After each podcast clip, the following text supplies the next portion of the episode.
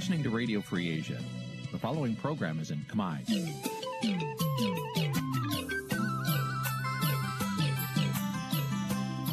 នេះជាកម្មវិធីផ្សាយ Vuthu Azizi Serai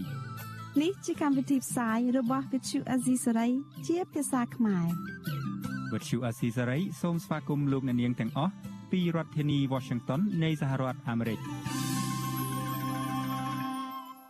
បាទពីរដ្ឋធានីវ៉ាស៊ីនតោនខ្ញុំបាទសេកបណ្ឌិតសូមជម្រាបសួរអស់លោកនាងកញ្ញាទាំងអស់ជាទីមេត្រី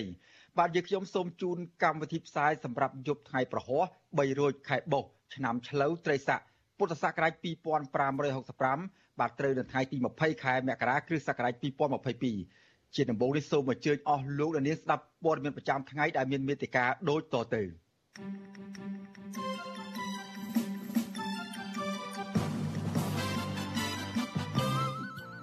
មេធាវីការពីក្តីលោកកម្មសខាថាកូនក្តីលោកគ្មានកំហុសឲ្យសារភាពតាមសំណើតំណាងអាយកាឡើយសមត្ថកិច្ចប្រើហិង្សាទៅលើក្រមស្ត្រីថ្ងៃសុកបណ្ដាលឲ្យស្ត្រីម្នាក់រងរបួសធ្ងន់អ្នកវិភាគថាជំនួបរវាងមេដឹកនាំកម្ពុជានិងវៀតណាមគ្មានប្រយោជន៍ដល់កម្ពុជា។ លោកវុនសឿសារភាពថាលោកទទួលលុយពីលោកហ៊ុនសែនដើម្បីបំបែកគណៈបកហ៊ុនស៊ិនពេជ្ររួមនឹងព័ត៌មានសំខាន់សំខាន់មួយចំនួនទៀតបាទជាបន្តទៅទៀតនេះសូមអញ្ជើញអស់លោកលានស្ដាប់ព័ត៌មានពិស្ដាបាទលោកលានកញ្ញាជាទីមេត្រីមេធាវីរដ្ឋាភិបាលឲ្យដឹងថាតំណាងអាយការំលឹករំលឹកទៅលោកកំសខាថា បើលោកទទួលស្គាល់កំហុសនោះ សំណុំរឿងនេះនឹងឆាប់ចប់ ទោះយ៉ាងណាមេធាវីការពីក្តីលោកកម្មសខាលើកឡើងថាកូនក្តីរបស់ខ្លួនមិនមានកំហុសដូច្នេះគឺគ្មានកំហុសឲ្យសារភាពឡើយបាទលោកនាងនឹងបានស្ដាប់សេចក្តីរាយការណ៍អំពីរឿងនេះនាពេលបន្តិចទៀតបាទសូមអរគុណ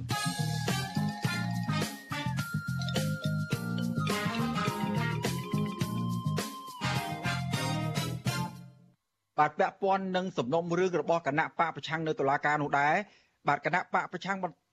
សាលាដំបងរាជធានីភ្នំពេញបន្តបើកសវនាការសំណុំរឿងក្តីសកម្មជនគណៈបកប្រឆាំងបន្តទៀតនៅព្រឹកថ្ងៃទី20ខែមករានេះដោយបន្តបង្ហាញភស្តុតាងជាវីដេអូឃ្លីបពាក់ព័ន្ធនឹងយុទ្ធនាការបង្កើតចលនាសង្គ្រោះជាតិដែលមានទំនាក់ទំនងជាមួយនឹងថ្នាក់ដឹកនាំគណៈបកនេះកាលពីឆ្នាំ2018បាទនៅខាងមុខតុលាការសមត្ថកិច្ចបានបង្ក្រាបដោយហិង្សាទៅលើក្រុមស្ត្រីថ្ងៃសុកបណ្ដាលឲ្យស្ត្រីម្នាក់រងរបួសធ្ងន់ក្នុងពេលដែលពួកគាត់ តវ៉ាទាមទាររោគយុទ្ធធរជូនជនជាប់ចោតបាទពីរដ្ឋធានីវ៉ាស៊ីនតោនអ្នកស្រីសុជីវីរាយការណ៍ជុំវិញព័ត៌មាននេះ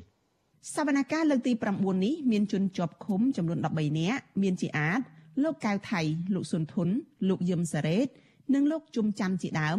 ដោយសមត្ថកិច្ចបានដឹកពួកគាត់តាមរថយន្តពីពន្ធនាគារព្រៃសរដើម្បីចូលរួមនៅក្នុងសវនកម្ម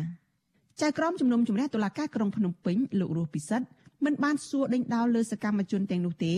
ដោយបន្តចាក់វីដេអូឃ្លីបពាក់ព័ន្ធនឹងការបង្កើតចលនាសង្គ្រោះជាតិរបស់អ្នកគាំទ្រនិងថ្នាក់ដឹកនាំគណៈបកប្រឆាំងនៅសហរដ្ឋអាមេរិកកាលពីឆ្នាំ2018ប៉ុន្តែដោយសារតែភ័ស្តុតាងជាវីដេអូឃ្លីបនោះមានរយៈពេលវែងហើយពេលវេលាមានកំណត់ដូច្នេះចៅក្រមរស់ពិសិដ្ឋបានបិទបញ្ចប់សវនកម្មនៅម៉ោង7:12ថ្ងៃត្រង់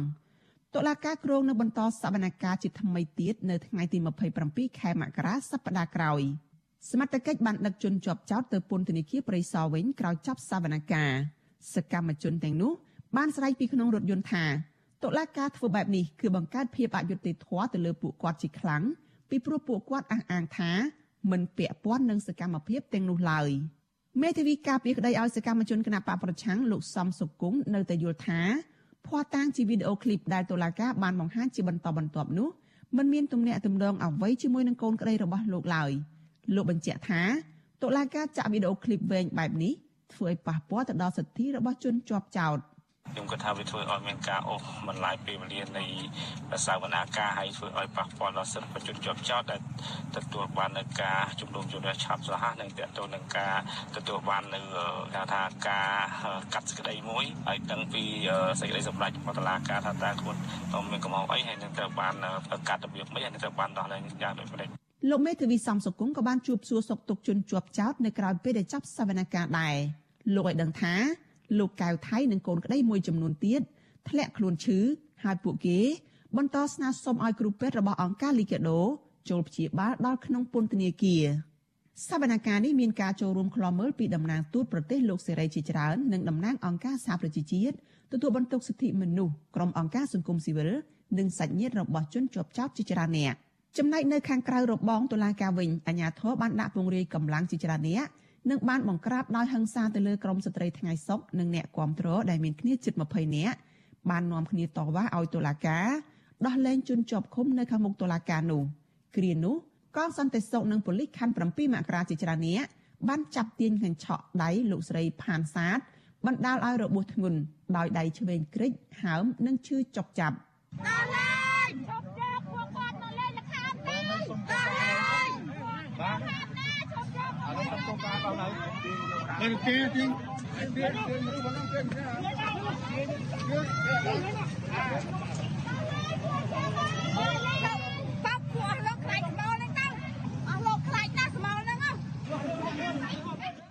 ស្ត្រីរងគ្រោះលោកស្រីផានសាទប្រាប់វិទ្យុអាស៊ីសេរីថាសមត្ថកិច្ចធ្វើបែបនេះជាការបំពានច្បាប់និងជាទង្វើអសិលធម៌មិនអាចទទួលយកបានឡើយ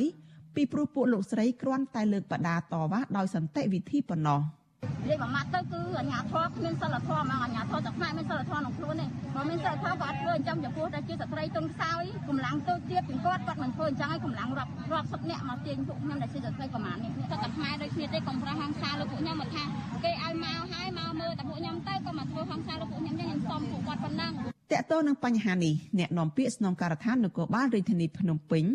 លោកសានសុកសីហាប្រាប់វិទ្យុអាស៊ីសេរីថា សមត្ថកិច្ចមិនមានចេតនាប្រើហិង្សាទៅលើក្រុមស្ត្រីទាំងនោះទេ ប្រសិនបើពួកគាត់ឈរនៅស្ងៀមឃ្លាំមើលសវនកម្មដោយគុំប្រមូលផ្ដុំគ្នាតវ៉ាដែលលោកអះអាងថា បានបង្កអនាធិបតេយ្យនៅក្នុងសង្គមនោះ។ អាញាធរគេមានលក្ខណៈធម៌របស់គេដែរអញ្ចឹងមានន័យថាគឺជាគោលបំណងចេតនាអាក្រក់មួយក្នុងការបង្ខូចមកលើសមត្ថកិច្ចនៅលើអាញាធរព្រោះអាញាធរយើងអនុវត្តការងារគឺរក្សាសន្តិសុខសម្រាប់សាធារណៈអញ្ចឹងមានន័យថាអ្វីខ្លះគឺពេលខ្លះគាត់ធ្វើគាត់ធ្វើក្នុងគោលបំណងហ្នឹងគឺគោលបំណងចង់បានតែរូបភាពចង់បានតែវីដេអូទេដើម្បីបង្ខូចកិត្តិយសរបស់អាញាធរជាក់ស្ដែងមិនមានអ្នកណាគេទៅវាយកប់អីការងារហ្នឹងទេទោះជាយ៉ាងណាអ្នកខ្លំមើលសិទ្ធិមនុស្សយល់ថាការតវ៉ារបស់ក្រមស្ត្រីទាំងនោះ ជាការអនុវត្តសិទ្ធិមូលដ្ឋានដោយស្របច្បាប់អ្នកនាំពាក្យសមាគមការពារសិទ្ធិមនុស្សអាត6លោកសឹងសានករណាចាត់ទុកសកម្មភាពរបស់សមត្ថកិច្ចបែបនេះថាជាទង្វើខុសច្បាប់ពីព្រោះលោកថាការតវ៉ាដោយសន្តិវិធី ជាសិទ្ធិសេរីភាពរបស់ប្រជាពលរដ្ឋដោយស្របតាមរដ្ឋធម្មនុញ្ញ ជាធម្មតាអាជ្ញាធរដែលមានសមត្ថកិច្ចបើថាពួកគាត់ធ្វើឡើងដោយមិនត្រឹមត្រូវយើងធ្វើការសម្របសម្រួលឲ្យពួកគាត់មានការទៀមទាតវ៉ានៅទីតាំងណាមួយឲ្យច្បាស់លាស់ទៅប៉ុន្តែយើងភាគច្រើនគឺធ្វើឲ្យមានការបង្កឲ្យមានបញ្ហារវាងអ្នកទៀមទានឹងជាមួយនឹងជាពិសេសក្រមសន្តិសុខនឹងតែម្ដងអ្នកដែលមានទូនីតិអីទាំងអស់ហ្នឹងរឹតតែត្រូវផ្ដន់ទោសឲ្យមានស្ថានពន្ធទោសហ្នឹងលើពលរដ្ឋធម្មតាទៅទៀតព្រោះជាអ្នកដែលយល់ច្បាប់ហ្នឹងមិនអាចថាអ្នកអនុវត្តច្បាប់ហើយទៅប្រព្រឹត្តផ្ទុយពីច្បាប់អញ្ចឹងណាបាទចំណែកដំណើរការសវនកម្មវិញលោកសឹងសែនកៅរណាយល់ថារឿងក្តីក្តាមនេះគឺជាការធ្វើទុកបុកម្នេញផ្នែកនយោបាយដោយភ្ជាប់សាច់រឿងរបស់ពួកគេមកចាត់វិធានការតាមផ្លូវតុលាការមន្ត្រីសង្គមស៊ីវិលរូបនេះចាត់ទុកថាតុលាការធ្វើបែបនេះនឹងមិនអាចផ្ដល់យុត្តិធម៌ដល់ជនជាប់ចោតទៅតាមច្បាប់បានទេព្រោះខ្វះឯករាជ្យភាព និងអព្យាក្រឹតដែលនឹងធ្វើឲ្យកម្ពុជាមានឈ្មោះកាន់តែអាក្រក់ នៅលើឆាកអន្តរជាតិប្រសិនបើតុលាការនៅតែបន្តសវនកម្មបែបនេះសាលាដំបងរាជធានីភ្នំពេញបានចោទប្រកាន់សកម្មជនបកប្រឆាំងចំនួន42នាក់ពីបទរួមគំនិតក្បត់និងញុះញង់ពាក់ព័ន្ធនឹងដំណើរមាតុភូមិនិវត្តរបស់លោកសំរងស៊ីកាលពីចុងឆ្នាំ2019តុលាការគ្រោងនឹងបញ្ចប់ការសួរដេញដោលសំណុំរឿងនេះនៅខែកុម្ភៈខាងមុខអង្គការសង្គមស៊ីវិលជាតិនិងអន្តរជាតិជាច្រើនស្ថាប័នចាត់ទុករឿងក្តីក្តាំនេះ ថាជាការធ្វើទុកបុកម្នេញផ្នែកនយោបាយនិងស្នើឲ្យតុលាការទម្លាក់ចោលការចោទប្រកាន់និងដោះលែងជនជាប់ឃុំទាំងនោះឲ្យមានសេរីភាពវិញដោយគ្មានលក្ខខណ្ឌនាងខ្ញុំសូជីវីវិទ្យុអាស៊ីសេរីពីរដ្ឋធានី Washington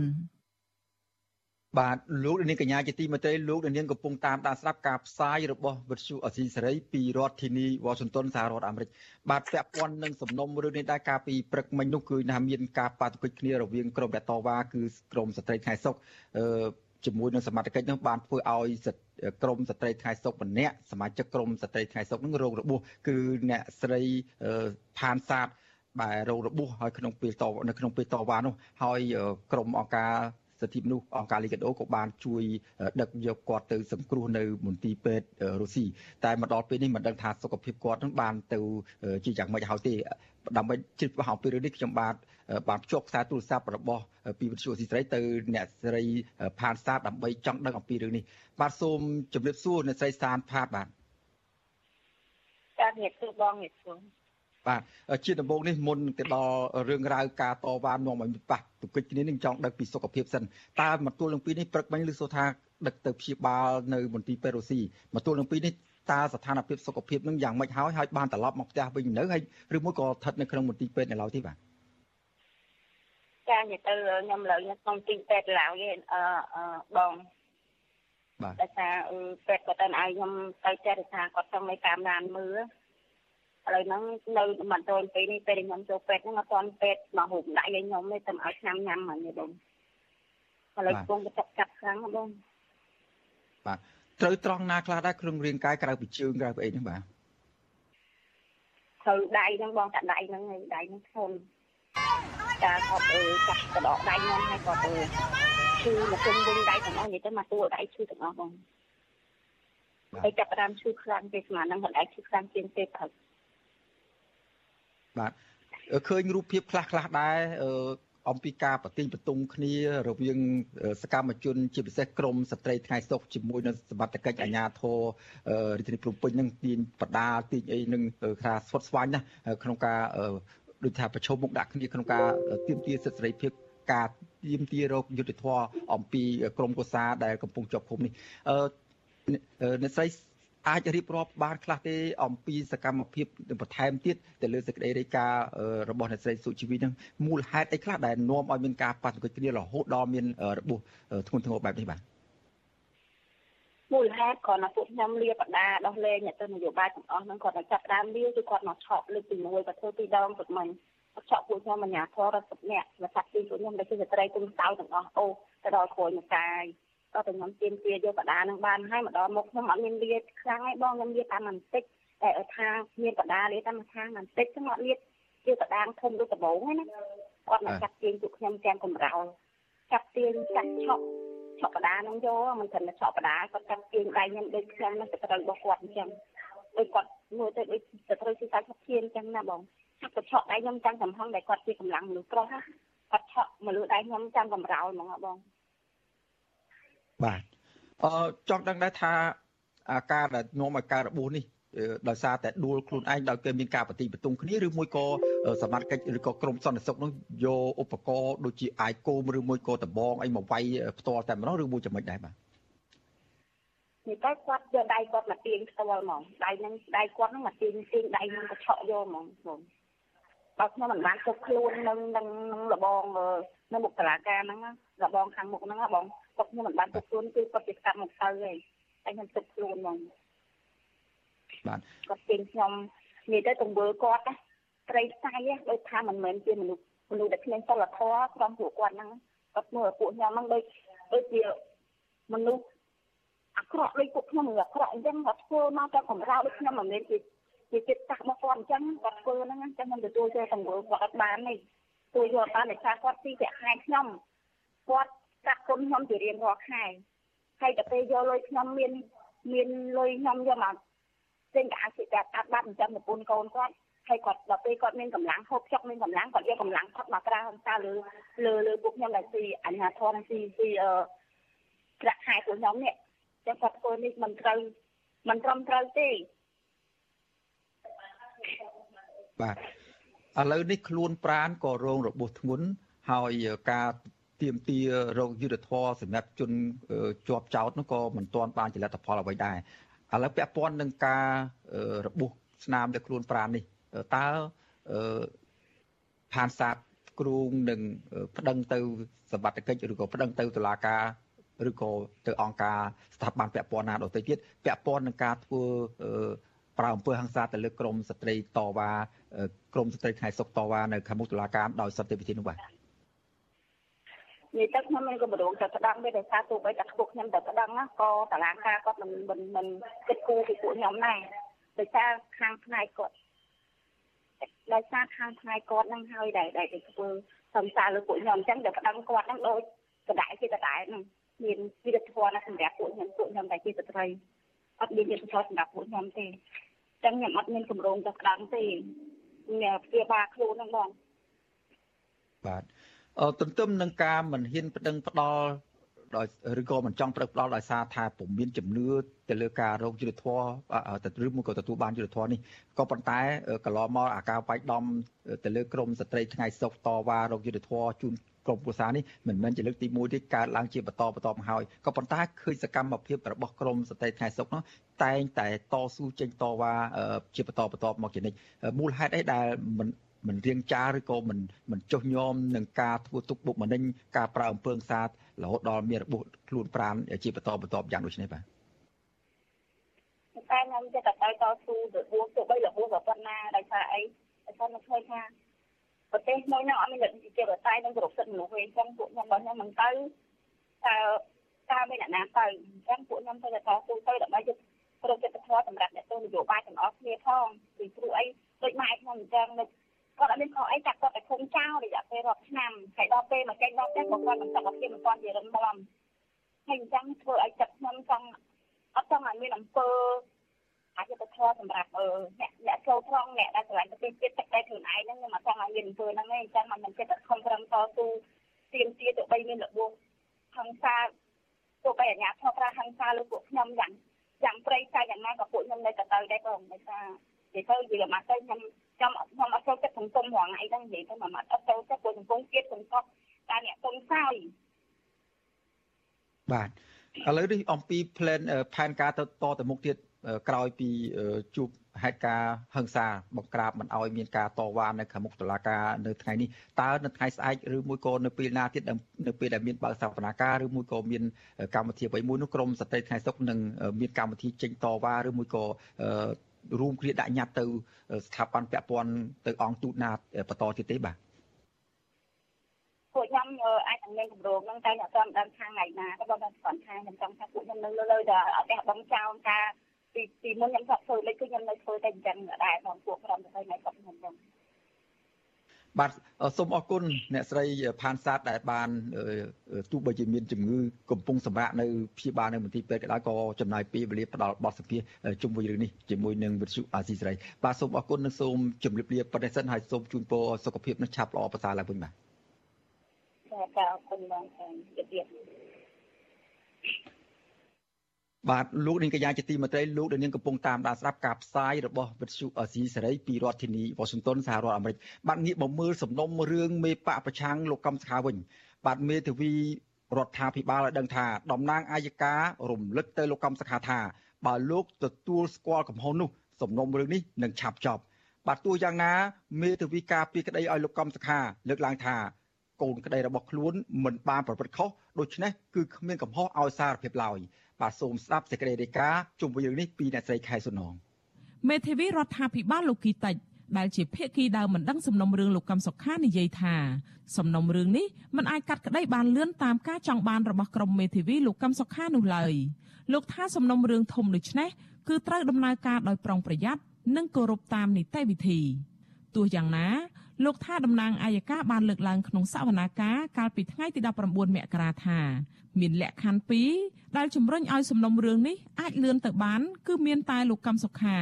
ឬជនជាប់ចោតទទួលមរណភាព ទី2ជនជាប់ចោតទទួលស្គាល់កំហុស បើមិនដូច្នោះទេសំណុំរឿងនឹងត្រូវបិទបញ្ចប់តាមអំណាចសាលក្រមនិងសាលដីការបស់តុលាការការឆាប់នឹងគឺត្រូវគោរពទៅតាមនីតិវិធីនិងគោរពទៅតាមច្បាប់ប៉ុន្តែអាឆាប់មួយទៀតជនជាប់ចោតគាត់ទទួលស្គាល់កំហុសអញ្ចឹងបើជនជាប់ចោតគាត់ទទួលយកអំពើនៅកំហុសទទួលទោសរបស់គាត់អានឹងសំណុំរឿងនឹងអាចចប់បានលឿនលោកគីតាច់ថ្លែងបែបនេះតាមរយៈការផ្ដល់សម្ភារឲ្យវិទ្យុក្នុងស្រុកមួយកាលពីថ្ងៃទី19ខែមករាវិទ្យុអាស៊ីសេរីមិនអាចសុំបញ្ជាក់បន្ថែមពីលោកមេធាវីគីតិចបានទេនៅថ្ងៃទី20មករាចំណែកក្រុមមេធាវីការពារក្តីលោកកឹមសុខាក៏មិនអាចសុំប្រតិកម្មបានដែរនៅថ្ងៃដដែលនេះទោះយ៉ាងណាមេធាវីការពារក្តីលោកកឹមសុខាម្នាក់គឺលោកអាងឧត្តមឲ្យក្រុមអ្នកសារព័ត៌មានដឹងកាលពីថ្ងៃទី19មករាថាលោកកឹមសុខាមិនមានប្រព្រឹត្តល្មើសដែលត្រូវទទួលកំហុសនោះឡើយតែយ៉ាងណាលោកមេធាវីក៏មិនជំទាស់ទៅនឹងការលើកឡើងថាពេលចប់ការកាត់ក្តីអាចនឹងមានការលើកលែងទោសឲ្យលោកកឹមសុខាដែរ អូខេបានតែតែដាក់លក្ខខណ្ឌនិយាយគ្នាមកចប់លើកលែងទោសគាត់ទៅឬធូរសម្រាលសម្រាលទោសឬមិនមិនទៅវាអត់ត្រូវទទួលទោសមិនបើគាត់អត់មានទោសហ្នឹងវាមិនដែលមិនដែលទទួលសារភាពទោសឲ្យតឡាការអស់លេងទេខ្ញុំណាមានជាងឲ្យឲ្យគាត់ទទួលសារភាពទោសហើយដោយសារគាត់អត់បានប្រព្រឹត្តទោសអាហ្នឹងជាជាអីវាអត់ត្រឹមត្រូវអ្នកនាំពាក្យរដ្ឋាភិបាលលោកផៃស៊ីផានថាការទទួលសារភាពដែលមានការគៀបសង្កត់ ឬការសារភាព ដើម្បីទទួលបានផលប្រយោជន៍ណាមួយនោះគឺมันអាចទទួលយកបានឡើយលោកសង្កេតឃើញថាក្រុមមេធាវីលោកកឹមសុខាក៏ចង់បានការទទួលការលើកលែងទោសក្រោយតុលាការវិនិច្ឆ័យក្តីដែរលោករំលឹកថាដើម្បីឲ្យតុលាការកាត់ក្តីបានលឿនលុះត្រាមេធាវីលោកកឹមសុខាចូលរួមសហការជាមួយតុលាការ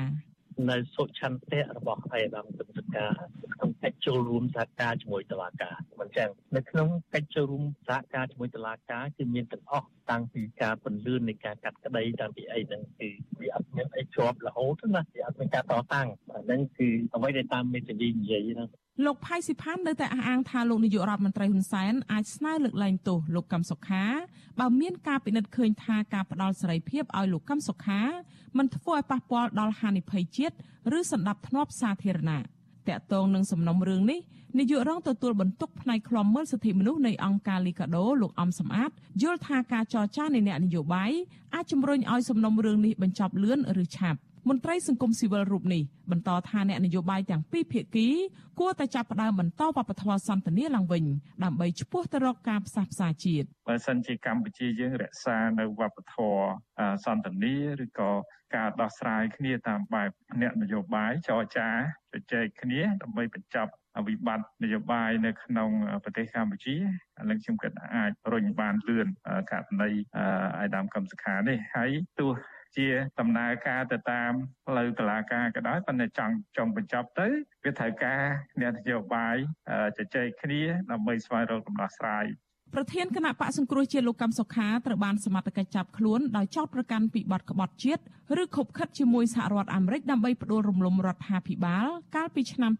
2017 រយៈពេល4ឆ្នាំមកនេះតុលាការមិនទាន់រកឃើញថាលោកកំសុខាមានទោសឬគ្មានទោសនៅឡើយប៉ុន្តែតុលាការបានរំលាយគណៈបកសង្គ្រោះជាតិរួចបាត់ទៅហើយដែលធ្វើឲ្យគណៈបកនេះមិនអាចចូលរួមការបោះឆ្នោតឆ្នាំ2018កន្លងទៅលោកកំសុខារងចាំសវនាការឡើងវិញជិត2ឆ្នាំមកនេះក្រោយតុលាការបានផ្អាកជាបន្តបន្ទាប់ដោយហេតុផលថាបង្ការជំងឺ Covid-19 យ៉ាងណាមិញសវនាការលោកកំសុខាកាលពីថ្ងៃទី19មករាតុលាការប្រើពេលត្រឹមមួយព្រឹកដោយមានការជជែកអំពីនីតិវិធីសវនាការជាជាងការជជែកដេញដោលអំពីអង្គហេតុនិងត្រឹមចាក់វីដេអូឃ្លីបប្រមាណ30នាទីហើយក៏លើកទៅសប្តាហ៍ក្រោយគឺនៅថ្ងៃទី25មករា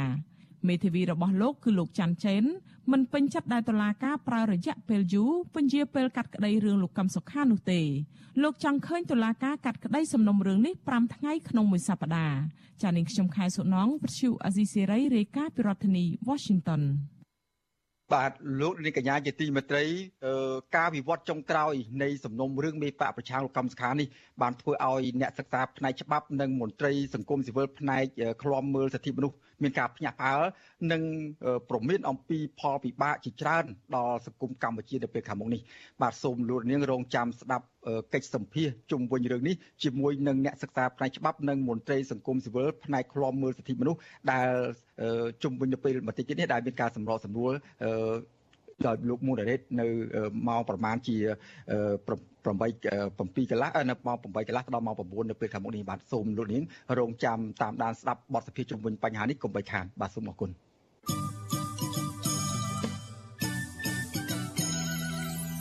បាទលោកនាងកញ្ញាជាទីមេត្រីក្រមអ្នកវិភាគលើកឡើងថាតុលាការនឹងមិនអូសបន្លាយសំណុំរឿងលោកកំសខាយូរតទៅទៀតទេបាទពួកគេថាតុលាការនឹងជំនុំជម្រះរឿងក្តីនេះដើម្បីបញ្ចប់សំណុំរឿងមេបកប្រឆាំងរូបនេះនៅក្នុងពេលឆាប់ឆាប់ខាងមុខនេះហើយ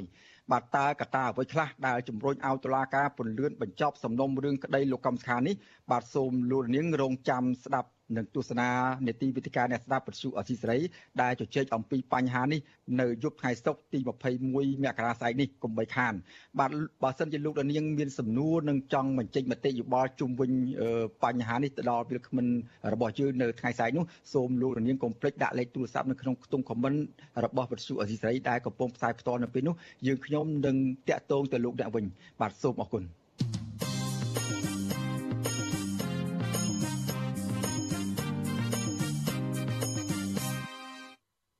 បាទលោកនាងកញ្ញាជាទីមេត្រីមន្ត្រីជាន់ខ្ពស់គណៈបកប្រឆាំងនិងអ្នកវិភាគថាជំនួបរវាងលោកនាយករដ្ឋមន្ត្រីហ៊ុនសែននិងប្រមុខការទូតវៀតណាមមិនបានផ្ដល់ប្រយោជន៍ច្រើនដល់កម្ពុជានោះទេបាទការលើកឡើងនេះ ធ្វើឡើងនៅពេលដែលរដ្ឋមន្ត្រីការបរទេសវៀតណាមកំពុងបំពេញទស្សនកិច្ចជាផ្លូវការនៅកម្ពុជារយៈពេល2ថ្ងៃដោយជួបពិភាក្សាជាមួយលោកហ៊ុនសែនអំពីវិបត្តិរបស់ប្រទេសភូមាឬមីយ៉ាន់ម៉ានិងពាក់ព័ន្ធនឹងបញ្ហាពាក់ព័ន្ធមួយចំនួនទៀតពាក់ព័ន្ធនឹងអាស៊ានរួមទាំងទំនាក់ទំនងរវាងប្រទេសទាំងពីរបាទសូមស្ដាប់សេចក្តីរាយការណ៍របស់ទីនសាករាអំពីរឿងនេះ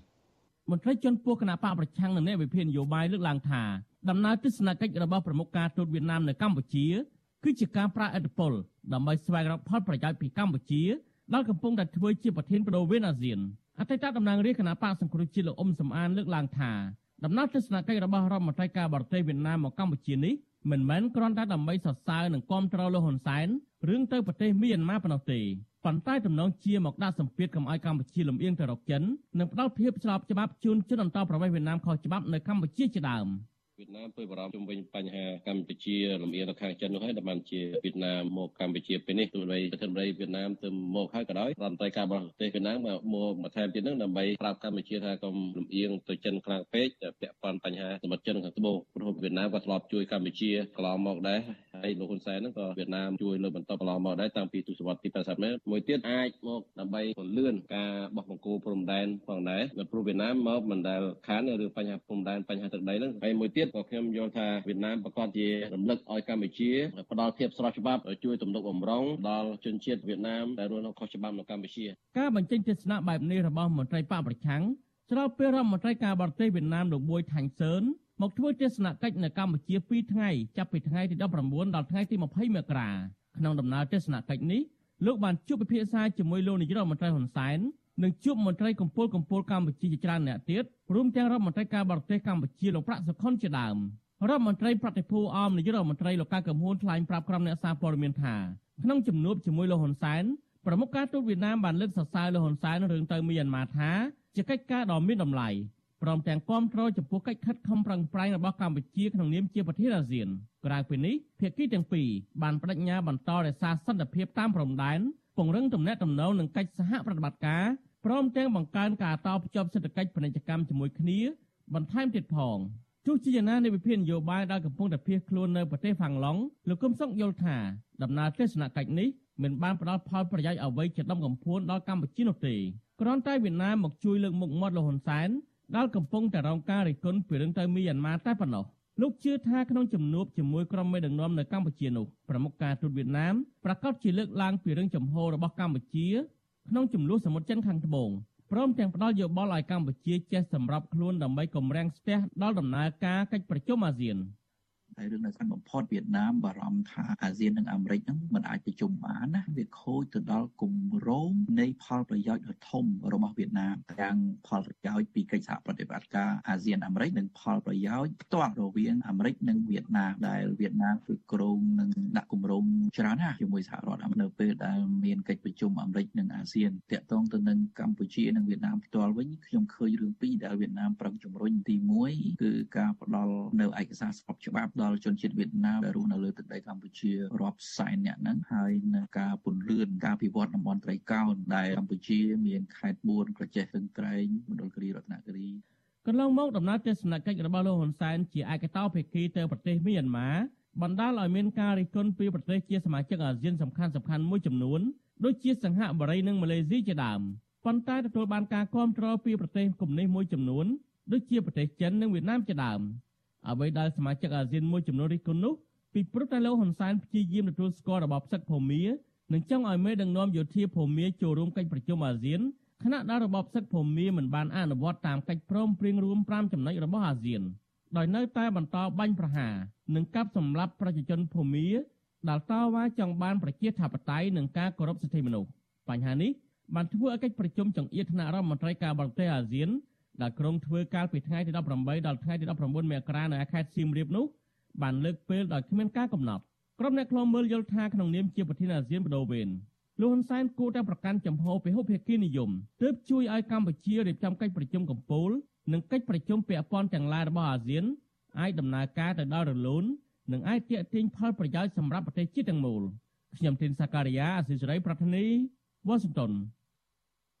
បាទលោកនាងកញ្ញាជាទីមេត្រីអ្នកជំនាញផ្នែកច្បាប់កញ្ញាសេងធីរីថារដ្ឋាភិបាលកំពុងភ័យខ្លាចឥទ្ធិពលមេធាវីអន្តរជាតិដែលលូកដៃឬឃ្លាំមើលសវនាការរឿងក្តីក្តាមរបស់កញ្ញានៅតុលាការទើបដាក់វិធានការរារាំងមេធាវីអន្តរជាតិលោកចរិត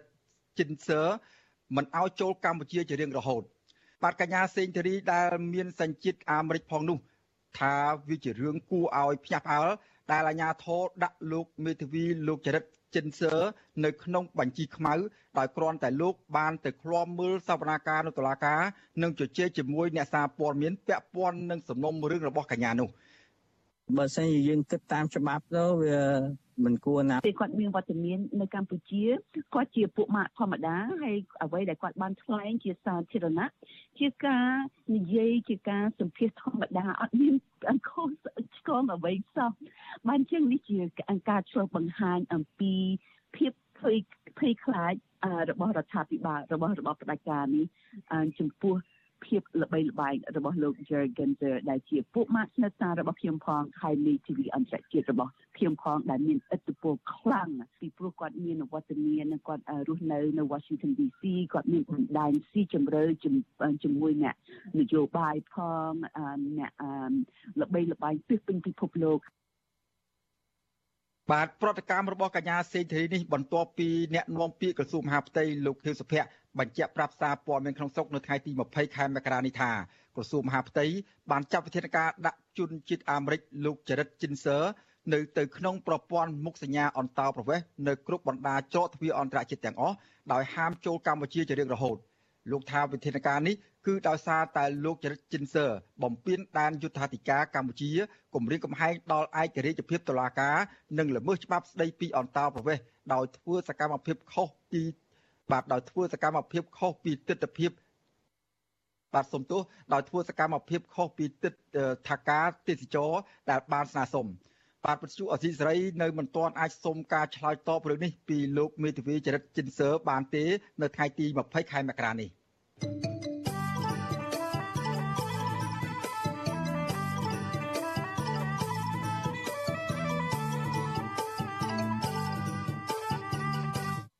បាទលោកនាងកញ្ញាជាទីមេត្រីលោកនាងកំពុងតាមដានស្ដាប់ការផ្សាយរបស់វិទ្យុអស៊ីសេរីពីរដ្ឋធានី Washington សហរដ្ឋអាមេរិកបាទនេះជាលើកទី1ហើយដែលអតីតមន្ត្រីជាន់ខ្ពស់គណៈបកហ្វុនស៊ីពេចនិងជាអតីតអគ្គស្នងការរងនគរបាលជាតិលោកងួនសឿ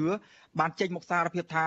លោកធ្លាប់បានទទួលលុយពីលោកនាយករដ្ឋមន្ត្រីហ៊ុនសែនទៅបង្កើតគណៈបកថ្មីដើម្បីប្រគល់ប្រជែងការបោះឆ្នោតកាលពីឆ្នាំ1998និងធ្វើឲ្យដៃគូក្នុងគណៈ បាទនឹងធ្វើឲ្យផ្ទៃក្នុងនៃគណៈបកហ្វុនស៊ិពេចបែកបាក់បាទលោកងួនសឿដែលបាត់ខ្លួនពីឆាកនយោបាយកម្ពុជាជាងមួយទសវត្សរ៍មកហើយនោះបានថ្លែងប្រាប់បទសុអសីសេរីថាគណៈបកពលរដ្ឋខ្មែររបស់លោកធ្លាប់បានចងសម្ព័ន្ធភាពជាមួយនឹងគណៈបកប្រជាជនកម្ពុជារបស់លោកហ៊ុនសែនដល់យូរបាទសូមលោកនាងរងចាំស្ដាប់បទសម្ភាសន៍អំពីរឿងនេះនាពេលបន្តិចទៀតនេះបាទសូមអរគុណ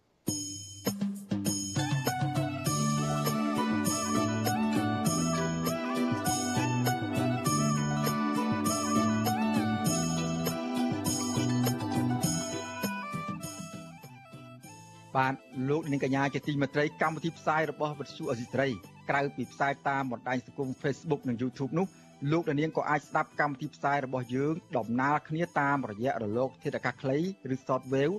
ពេលព្រឹកចាប់ពីម៉ោង5កន្លះដល់ម៉ោង6កន្លះតាមរយៈរលកធាតុអាកាសខ្លី9390 kHz ស្មើនឹងកម្ពស់ 32m និង11850 kHz ស្មើនឹងកម្ពស់ 25m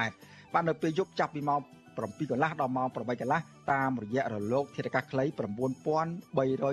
kHz ស្មើនឹងកម្ពស់ 32m និង15155 kHz ស្មើនឹងកម្ពស់ 20m បាទសូមអរគុណ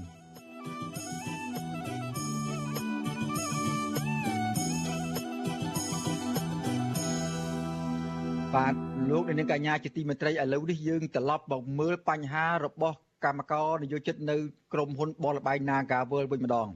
បាទកម្មករ Nagawal បន្តធ្វើកោតកម្មទាមទារឲ្យមានការដោះលែងតំណាងសហជីពចំនួន8នាក់ហើយក្រុមហ៊ុនត្រូវទទួលយកកម្មករជាង300នាក់ចូលធ្វើការវិញបាទចំណែកក្រសួងការងារជំរុញឲ្យកម្មករចូលតុចរចាទទួលយកប្រាក់សំណងដើម្បីបញ្ចប់វិវាទការងារមួយនេះ ក្រោយពីអាជ្ញាធរបានចាប់តំណាងកម្មករយកទៅឃុំនៅពន្ធនាគារពីបទញុះញង់បង្កឲ្យមានភាពវឹកវរធ្ងន់ធ្ងរដល់សន្តិសុខសង្គម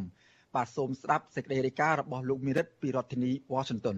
មន្ត្រីក្រសួងកាងារបន្តចាក់សារសម្លេងឲ្យក្រុមកម្មករ Nagawal ទៅផ្ទៀងផ្ទាត់ទទួលយកប្រាក់សំណងដែលក្រសួងអះអាងថាត្រឹមត្រូវតាមច្បាប់ នៅក្រសួងកាងារ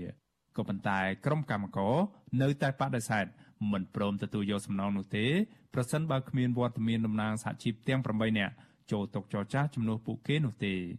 កម្មករ Nagawal ម្នាក់ដែលធ្វើកោតកម្មអស់រយៈពេលជាង1ខែមកហើយនេះគឺកញ្ញាមីស្រីអូនថ្លែងបែបខកចិត្តថាបើក្រសួងការងារបានចេញដំណោះស្រាយនេះនៅពេលដែលតំណាងសហជីពបានចូលទៅជួបចរចាដោះស្រាយជាច្រើនលើកមកហើយនោះប្រហែលជាវិវាទការងារមួយនេះអាចបញ្ចប់យូរទៅហើយក៏ប៉ុន្តែដំណោះស្រាយនេះ បែរជាចេញក្រោយពេលដែលតឡាការសម្រាប់ឃុំខ្លួនតំណាងរបស់ពួកគាត់ទាំងនេះនៅពន្ធនាគារទៅវិញកញ្ញាចាត់ទុកដំណោះស្រាយនេះថាជារឿងមិនសមហេតុផលនិងមិនអាចទទួលយកបាននោះទេខណៈតំណាងរបស់ពួកគាត់ជាប់ឃុំទាំងអយុធធរកញ្ញាយល់ថាបើក្រសួងកាងារចង់ឲ្យកម្មករទទួលយកដំណោះស្រាយលុះត្រាតែតឡាការដោះលែងសកម្មជននិងថ្នាក់ដឹកនាំសហជីពទាំង8នាក់ឲ្យមានសេរីភាពជាមុនសិន ព្រោះកម្មករទាំងអស់បានផ្ដល់សិទ្ធិឲ្យពួកគាត់ចេញមុខចរចាដោះស្រាយវិវាទការងារមួយនេះ តែម្ដាយណាពុកដាក់ពុកព្រៃសោះហៅកូនទៅដោះស្រាយមិនផងឲ្យម្ដាយពុកនោះចាប់ពុកមួយជីវិតមែនហើយកូននិយាយថាគាត់ធន់នៅភាគីខាងកណ្ដាលអរគុណសម្រាប់ការនិយាយរបស់គាត់ថាគាត់នៅឈរនៅភាគីខាងកណ្ដាលប៉ុន្តែពួកខ្ញុំសង្ឃឹមថាការដែលឈរនៅភាគីកណ្ដាលរបស់គាត់គឺគឺការឈរដែលត្រឹមត្រូវមិនលំអៀងទៅខាងក្រុមហ៊ុន Nagabel ពួកខ្ញុំទាំងអស់គ្នាគឺត្រូវការតំណាងចូលទៅទឹកចរចាមិនមែនកម្មករកតកអញ្ចឹងទេហើយអ្វីដែលពួកខ្ញុំត្រូវការគឺសហជីពនៅក្នុងក្រុមហ៊ុន Nagabel ការឲ្យបុគ្គលិក365នាក់ចូលធ្វើការវិញ វិសុវអេស៊ីស្រីមិនអាចសុំការឆ្លើយតបរឿងនេះពីអ្នកនាំពាក្យក្រសួងកាងារដែលទទួលបន្ទុកដោះស្រាយវិវាទការងារនេះគឺលោកអ៊ូរតនាបានទេ ដោយទូរស័ព្ទហៅចូលតែលោកប្រាប់ថាជាប់រវល់ប្រជុំតែទៅនឹងរឿងនេះប្រធានសហព័ន្ធសហជីពកម្ពុជា អ្នកស្រីយ៉ាងសុភ័ណ្ឌមានប្រសាសន៍ថាបើក្រសួងកាងារមានឆន្ទៈពិតប្រាកដដោះស្រាយវិវាទការងារនេះមែនដោយអនុវត្តត្រឹមត្រូវតាមច្បាប់ស្តីពីការងារនោះ នោះក្រុមកម្មករនឹងមិនធ្វើកតកម្មនោះទេហើយក៏គ្មានការចាប់ខ្លួនតំណាងសហជីពទាំង8នាក់យកទៅឃុំខ្លួននៅពន្ធនាគារនោះដែរអ្នកស្រីយល់ថាដើម្បីដោះស្រាយបញ្ចប់វិវាទការងារនេះលុះត្រាតែតឡាការទម្លាក់ចោលការចោទប្រកាន់ទាំងអស់និងដោះលែងតំណាងសហជីពទាំង8នាក់ឲ្យមានសេរីភាពឡើងវិញហើយបើកផ្លូវឲ្យពួកគាត់ចូលតុចរចាជាមួយក្រុមហ៊ុន ដែលមានការសម្របសម្រួលពីក្រសួងកាងារ ជាការពិតណាតលតែមានការដោះលែងក្រុមតំណាងពួកគាត់សិនអញ្ចឹងណាទើបយើងឲ្យមានការចរចាបន្ទាប់ពីនឹងបានអញ្ចឹងណាហើយបើសិនណាគ្មានការដោះលែងទេហើយបន្ទាប់មកយើងទៅចរចាយើងសួរថាចរចាអីបើតំណាងរបស់ពួកគេត្រូវបានគេចាប់បាត់អីណាហើយទៅចរចាអីអញ្ចឹងណាក្រុមកោតក្រកាស៊ីណូ Nagawal ឲ្យដឹងថាអាជ្ញាធរបានដាក់កាមេរ៉ាជាច្រើនគ្រឿងនៅតាមបង្គោលភ្លើង និងដាក់បញ្ឈរលើដីដើម្បីថតសកម្មភាពធ្វើកោតកម្មរបស់ពួកគាត់ ខណៈចំនួនកម្លាំងសមត្ថកិច្ចដែរនៅបន្តឃ្លាំមើលនៅទីតាំងនោះតិចជាងសប្ដងកម្មករបញ្ជាក់ថាកម្លាំងសមត្ថកិច្ចស្លៀកពាក់ស៊ីវិលនៅតែបន្តតាមដានពួកគាត់ជារៀងរាល់ថ្ងៃដើម្បីបំភ័យបំបាក់ស្មារតីឲ្យឈប់ប្រមូលផ្ដុំគ្នាតវ៉ាតទៅទៀតពួកគាត់ស្នើដល់អាជ្ញាធរឲ្យឈប់ប្រើរូបភាពបែបគំរាមកំហែងនេះដាក់ពួកគាត់តទៅទៀតពីព្រោះថានេះគឺជាការតវ៉ារកដំណោះស្រាយវិវាទការងារពីក្រុមហ៊ុន មិនមែនមានចំនួនជាមួយអាជ្ញាធរនោះទេគិតត្រឹមថ្ងៃទី20ខែមករាថ្នាក់ដឹកនាំនិងសមាជិកសហជីពនៃកម្មករ Nagawal 8នាក់កំពុងជាប់ឃុំនៅក្នុងពន្ធនាគារព្រៃសរអស់រយៈពេល21ថ្ងៃមកហើយអង្គការជាតិនិងអន្តរជាតិផ្នែកសិទ្ធិមនុស្សនិងសិទ្ធិការងារទាមទារឲ្យរដ្ឋាភិបាលត្រូវតែដោះលែងតំណាងសហជីពទាំង8នាក់នោះជាបន្ទាន់នឹងដោយគ្មានលក្ខខណ្ឌហើយក្រសួងកាងារត្រូវបន្តដោះស្រាយវិវាទនេះដោយឈលលើគោលការណ៍ច្បាប់ និងភាពស្មោះត្រង់ដើម្បីបញ្ចប់វិវាទការងាររវាងកម្មករនយោជិត និងថៅកែក្រុមហ៊ុន Nagawal ខ្ញុំបាទមេរិត Visual C ស្រីរាយការណ៍ពីរដ្ឋធានី Washington បាទលោកនាងកញ្ញាជាទីមេត្រីជុំវិញសំណុំរឿងរបស់លោកកំសខាតំណាងតំណាងក្រមមេធាវី ការពីក្តីឲ្យភាគីរដ្ឋាភិបាលបានប្រឡូយពាក្យថាបើចង់ឲ្យសំណុំរឿងនេះឆាប់ចប់គឺលោកកំសខាព្រមទទួលសារភាពកំហុស បាទការវិវត្តចុងក្រោយនេះធ្វើឲ្យអ្នកសិក្សាផ្នែកច្បាប់និងមន្ត្រីសង្គមស៊ីវិលផ្នែកឃ្លាំមើលសិទ្ធិមនុស្សមានការភ្ញាក់ផ្អើលនិងប្រមានអំពីផលវិបាកច្រើនយ៉ាងដល់កម្ពុជា បាទសូមលោកនាងរងចាំស្ដាប់បទសម្ភាសជុំវិញរឿងនេះជាមួយនឹងអ្នកស្រាវជ្រាវផ្នែកច្បាប់និងមន្ត្រីអង្គការសង្គមស៊ីវិលផ្នែកឃ្លាំមើលសិទ្ធិមនុស្សនៅក្នុងការផ្សាយរបស់យើង នៅពេលខាងមុខនេះគឺចាប់ពីម៉ោង8កន្លះដល់ម៉ោង9បាទសូមអរគុណ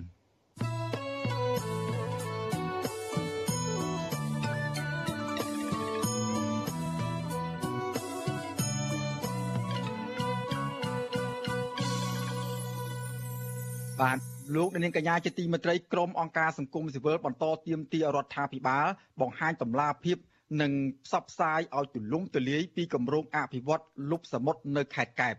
បាទបច្ចុប្បន្ននេះអាជ្ញាធរខេត្តកែបកំពុងតែចាក់ដីលុបឆ្នេរសមុទ្រប្រវែងជិត3គីឡូម៉ែត្រជម្រៅចូលផ្ទៃទឹកប្រវែង130ម៉ែត្រចាប់ពីចំណុចផ្សារក្តាមរហូតដល់ព្រៃកោងកាង បាទអ្នកស្រីម៉ៅសុធីនីរាយការណ៍ជុំវិញព័ត៌មាននេះ ក្រុមអង្គការសង្គមស៊ីវិលព្រួយបារម្ភពីគម្រោងកាយថ្មភ្នំ ចាក់លុបឆ្នេរសមុទ្រទ្រង់ទ្រាយធំ ទំហំ30ហិកតាស្ថិតនៅក្នុងភូមិថ្មីឃុំព្រៃធំស្រុកដំណាក់ចង្អើខេត្តកែបពួកគេសង្កេតឃើញថាជារៀងរាល់ថ្ងៃមានរថយន្តធំធំយ៉ាងហោចណាស់100គ្រឿងដឹកជញ្ជូនថ្មភ្នំ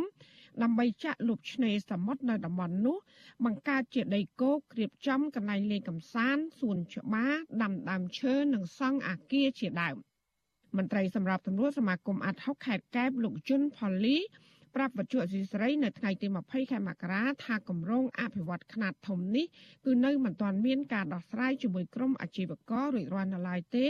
ហើយព័ត៌មានជំវិញការអភិវឌ្ឍនេះអាជ្ញាធរក៏មិនបានផ្សព្វផ្សាយឲ្យបានទូលំទូលាយនៅឡើយដែរ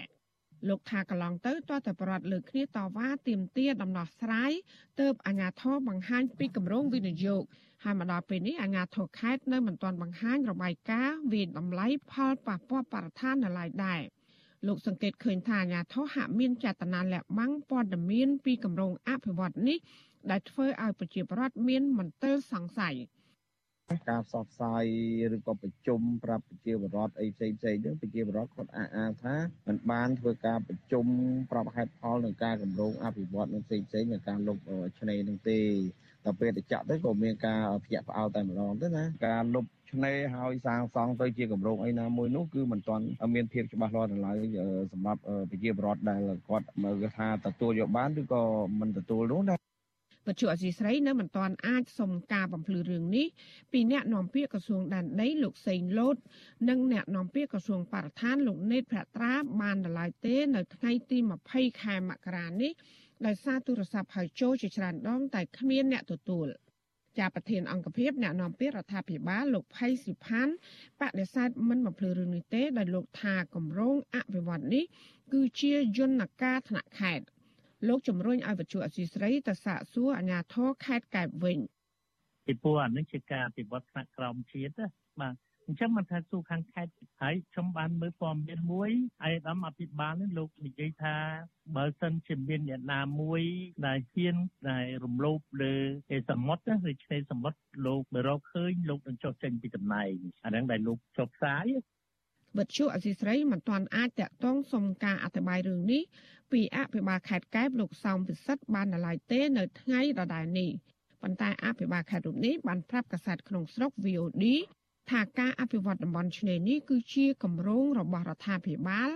ដែលអនុវត្តដោយគណៈកម្មាធិការជាតិគ្រប់គ្រងនិងអភិវឌ្ឍតំបន់សមុទ្រកម្ពុជាដោយមានការសិក្សាអំពីផលប៉ះពាល់បរិស្ថាននិងសង្គមច្បាស់លាស់លោកបន្ថែមថាការអភិវឌ្ឍតំបន់ឆ្នេរនេះនឹងផ្ដល់ផលប្រយោជន៍សម្រាប់វិស័យទេសចរនៅខេត្តកែប ទោះយ៉ាងណាប្រធានមជ្ឈមណ្ឌលប្រជាប្រដ្ឋដើម្បីអភិវឌ្ឍនិងសន្តិភាព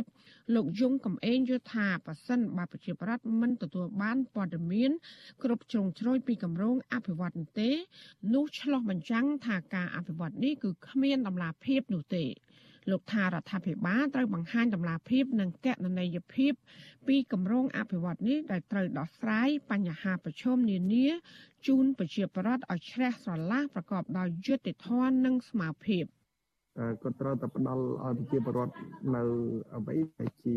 ព័ត៌មានចាំបាច់ជាពិសេសគឺពាក្យពន្ធផលប្រយោជន៍នៃគម្រោងហ្នឹងហើយនឹងផ្សព្វផ្សាយអំពី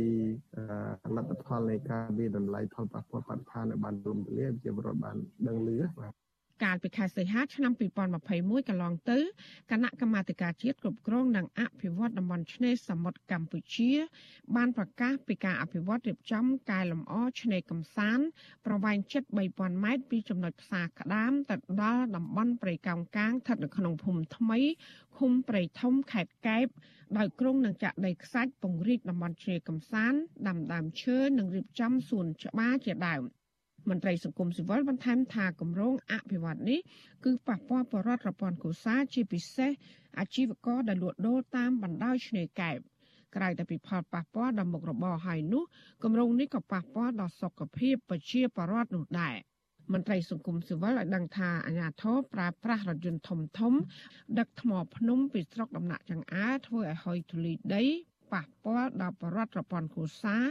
ដែលរស់នៅតាមបណ្ដោយផ្លូវលេខ 33A ក្នុងខេត្តកែបរីឯផ្លូវជាតិនិងផ្លូវលំមួយចំនួនក៏រងការខូចខាតស្ទើរតែទាំងស្រុងដោយសារតែរថយន្តដឹកថ្មភ្នំទាំងនោះចាននាងខ្ញុំម៉ៃសុធានីវិទ្យុអាស៊ីស្រីប្រធានាធិបតី Washington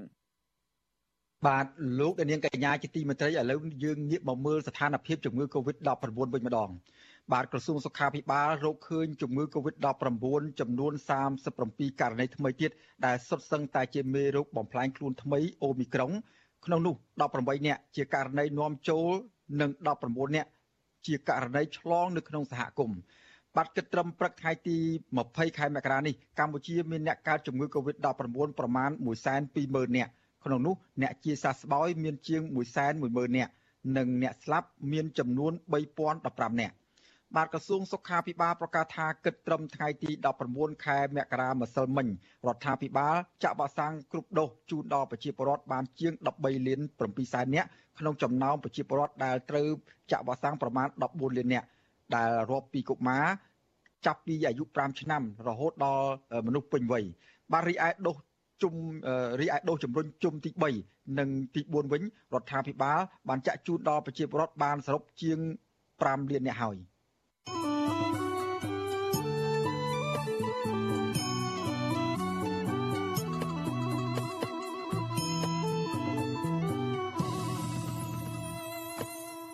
បាទលោកនាងកញ្ញាជាទីមេត្រីឥឡូវនេះយើងបន្តងាកមកមើលសំណុំរឿងពាក់ព័ន្ធនឹងមេបកប្រឆាំងលោកកំសខាវិញបន្តទៀត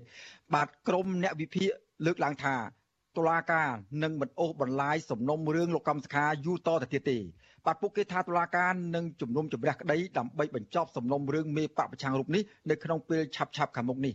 បាទតើកត្តាអ្វីខ្លះដែលជំរុញឲ្យតុលាការពន្លឿនបញ្ចប់សំណុំរឿងក្តីលោកកំសខានេះ បាទសូមលោករនាងរងចាំស្ដាប់នីតិវិទ្យាអ្នកស្ដាប់របស់វិទ្យុអេស្រីនៅរាត្រីថ្ងៃសុក្រស្អែកនេះកុំបីខាន បាទបើសិនជាលោករនាង មានបំណងចង់ចូលរួមបញ្ចេញមតិយោបល់ឬមួយក៏មានសំណួរសួរទៅវាគ្មិនដោយផ្ទាល់របស់យើងនៅថ្ងៃស្អែកនោះសូមលោករនាងកុំភ្លេចដាក់លេខទូរស័ព្ទនៅក្នុងខ្ទង់ comment របស់វិទ្យុអសីស្រីដែលកំពុងផ្សាយផ្ទាល់នៅថ្ងៃស្អែកនេះយើងខ្ញុំនឹងតាក់ទងត្រឡប់ទៅលោកអ្នកវិញបាទសូមអរគុណ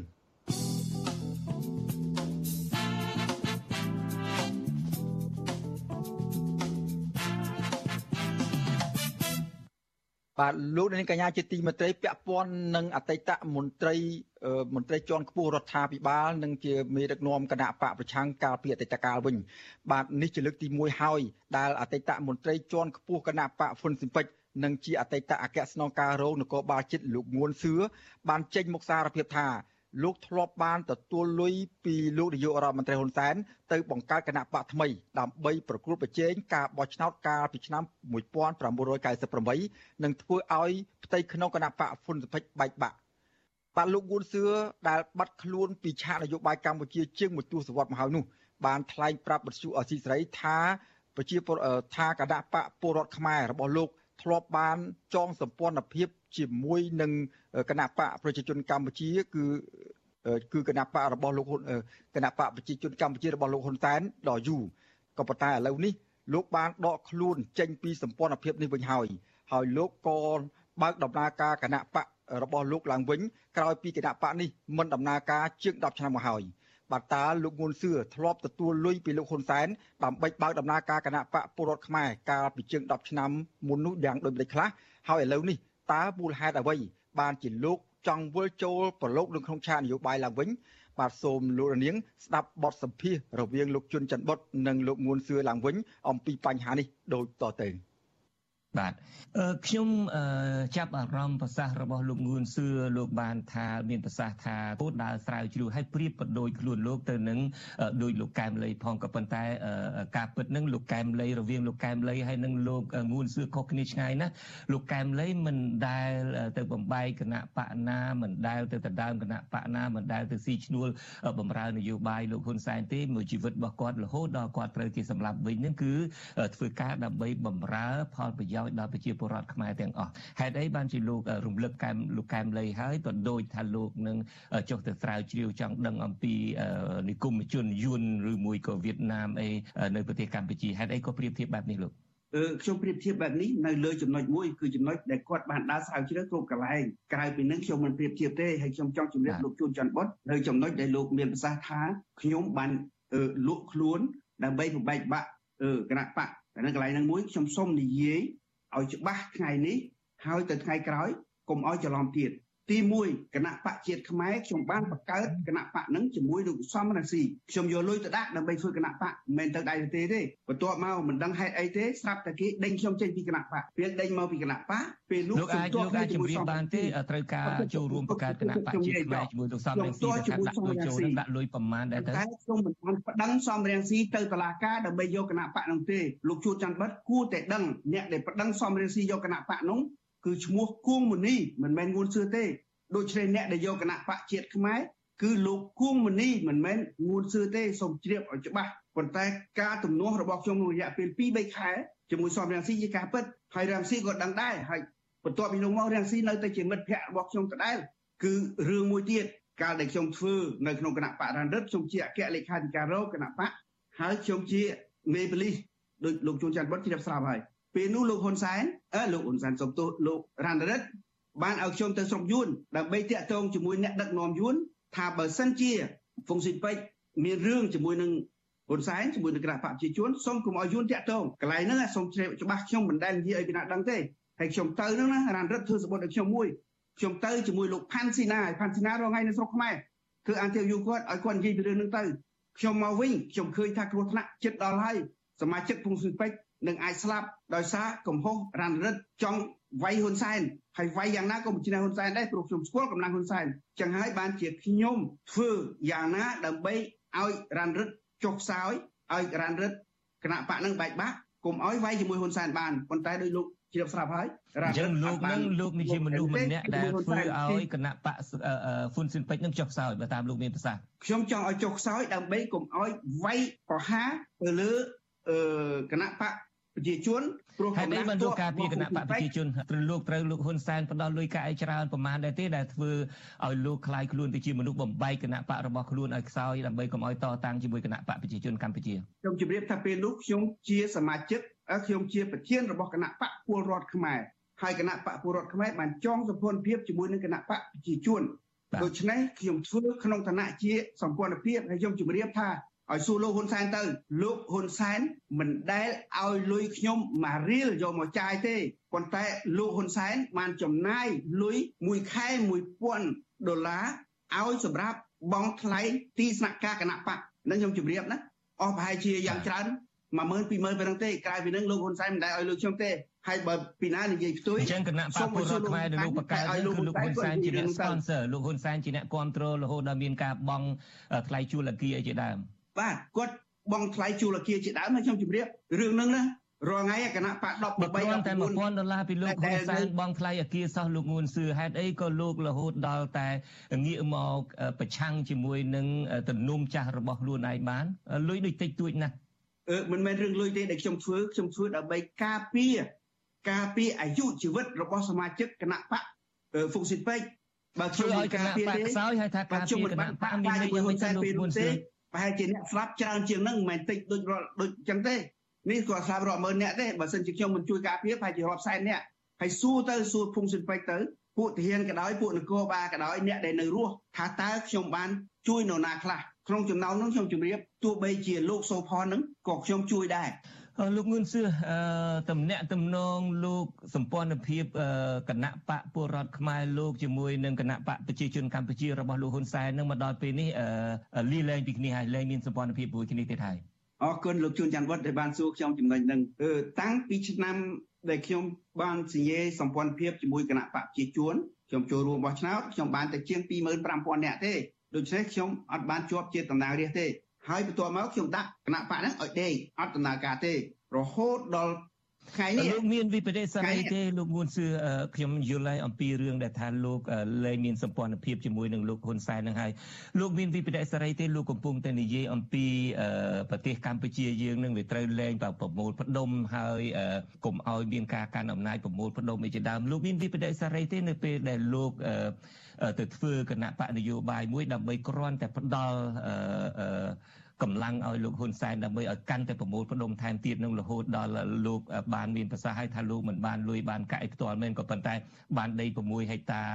ក្នុងចំនួនដែលលោកហ៊ុនសែននឹងជួយគ្រប់គ្រងលោកហ៊ុនសែននឹងជួយបង់ថ្លៃអាគារជួលគណៈបកនឹងមួយខែ1000អីជាដើមនឹងមកដល់ពេលនេះលោកមានវិបដិសារីទេដែលជួយធ្វើឲ្យលោកហ៊ុនសែននឹងមានកម្លាំងប្រមូលផ្ដុំនឹងកាន់តែខ្លាំង ជម្រាបលោកតាមត្រង់ចំពោះចំណុចនឹងមុនជម្រាបថាខ្ញុំមានវិបដិសារីឬក៏អត់ខ្ញុំចង់ជម្រាបថាខ្ញុំធ្វើនយោបាយខ្ញុំនៅក្នុងគណៈបកសុងស៊ីពេចគណៈបកពុនស៊ីពេចសហការជាមួយនឹងគណៈបកប្រជាជនបន្ទាប់មកខ្ញុំចេញពីគណៈបកហ្វុងស៊ីនពេចខ្ញុំទៅសហការជាមួយគណៈបកប្រជាជនខ្ញុំជម្រាបលោកជួនច័ន្ទបុតលោកជួនច័ន្ទបុតហើយនៅខ្មែរមួយចំនួនថាអេងួនសឿម្ដងនៅគណៈបកនេះម្ដងនៅគណៈបកនោះដូរចុះដូរឡើងមិនឈប់ខ្ញុំជម្រាបថានយោបាយខ្ញុំ ដើរមុនអ្នកទាំងអស់នោះទាំងអស់គាត់តែថ្លៃទីសកាយប៉ុណ្ណឹងទីទួលនិយាយថាឲ្យលោកហ៊ុនសែនបង្កើតគណៈបកណាខ្លះឲ្យគណៈបកណាខ្លះដែរដែលលោកធ្លាប់រស់នៅជាមួយនឹងលោកហ៊ុនសែនមានសម្ព័ន្ធភាពនឹងគណៈបកណាខ្លះដែលលោករៀបរាប់បានអឺខ្ញុំចាំមិនច្បាស់ទេគង់កាលនោះលោកលោកមើលចេះទៅយល់ហើយគណៈបកដែលចងសម្ព័ន្ធភាពជាមួយគណៈបកជាជួនពេលនោះណាពេលដែលខ្ញុំចងសម្ព័ន្ធភាពនោះបានឆ្នាំ98ហ្នឹង798ហ្នឹងមានគណៈបកដូចជា7 8គណៈបក បាទខ្ញុំភ្លេចឈ្មោះអស់ហើយគណៈបកទាំងអស់នោះគឺគណៈបកប្រជាជនឲ្យលុយមួយខែ1000ដុល្លារដើម្បីបងទីស្នាក់ការតែប៉ុណ្្នោះទេមិនមែនទីស្នាក់ការមួយ1000ទេណាគឺឲ្យ1000សម្រាប់ទីស្នាក់ការទាំងអស់មកស្រុកខ្មែរនឹងខ្ញុំជម្រាបដូច្នេះលុយនឹងវាជាលុយកពិកកពុកមែនទែនយើងមិនអាចយល់ថា លុយហ្នឹងគេគេគេជួលទេគេមិនជួលទេក្រៅពីឲ្យក្នុងនៃគណៈបកមានឲ្យជាបុគ្គលផ្ទាល់ទេលោកងួនសឿអាចសារភាពបានទេអាចហើយហ៊ាននិយាយការពិតបានទេអត់ដែលបានទទួលលុយដោយផ្ទាល់ពីលោកហ៊ុនសែនទេ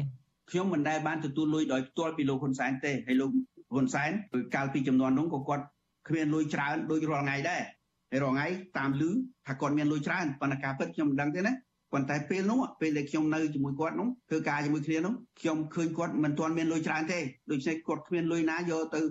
ជួលទៅទិញអ្នកនេះអ្នកនោះអីទេណាហើយខ្ញុំជម្រាបថាខ្ញុំមិនដែលបានទទួលលុយពីលោកហ៊ុនសែនទេបើសិនជាលោកហ៊ុនសែនស្នើឲ្យលោកត្រឡប់ទៅវិញដើម្បីធ្វើការជាមួយគាត់ចងសម្ព័ន្ធភាពជាមួយគាត់វិញតើលោកនឹងត្រឡប់ទៅវិញទេដាច់ខាតខ្ញុំមិនទៅវិញទេខ្ញុំដាច់ខាត បាទ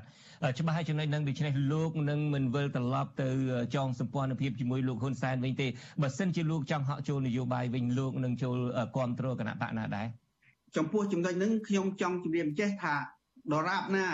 ប្រព័ន្ធនយោបាយនៅអញ្ចឹងណាឥឡូវនេះថ្ងៃនេះខ្ញុំប្រកាសដាក់បដិសម្ព័ន្ធភាពជាមួយនឹងគណៈបកប្រជាជនពីថ្ងៃនេះតទៅខ្ញុំឈប់សហការជាមួយគណៈបកប្រជាជនទៀតហើយ បានសេចក្តីថាខ្ញុំអាចរិះគន់គណៈបកប្រជាជនបានឬក៏អ្នកនយោបាយរបស់គណៈប្រជាជនបានពីថ្ងៃនេះទៅឥ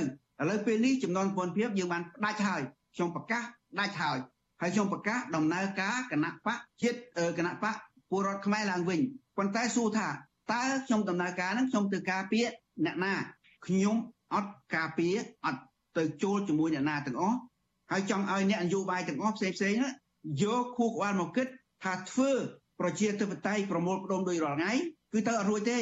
ខ្មែរនៅតែទាស់គ្នានៅតែកាប់ចាក់គ្នាអញ្ចឹងធ្វើប្រជាធិបតេយ្យរបៀបខ្ញុំទៅបាទប្រជាធិបតេយ្យស្វ័យយ័តបាទគេថាយើងឲ្យអំណាចទៅថ្នាក់ខេត្តទៅថ្នាក់ឃុំស្រុកមិនបាច់ឲ្យមានទេស្រុកបំបត្តិចោលទៅហើយបោះឆ្នោតខ្ញុំនិយាយនេះគឺមានឧទាហរណ៍នៅស្រុកបារាំងស្រុកមួយប្រទេសមួយដែលខ្ញុំនៅ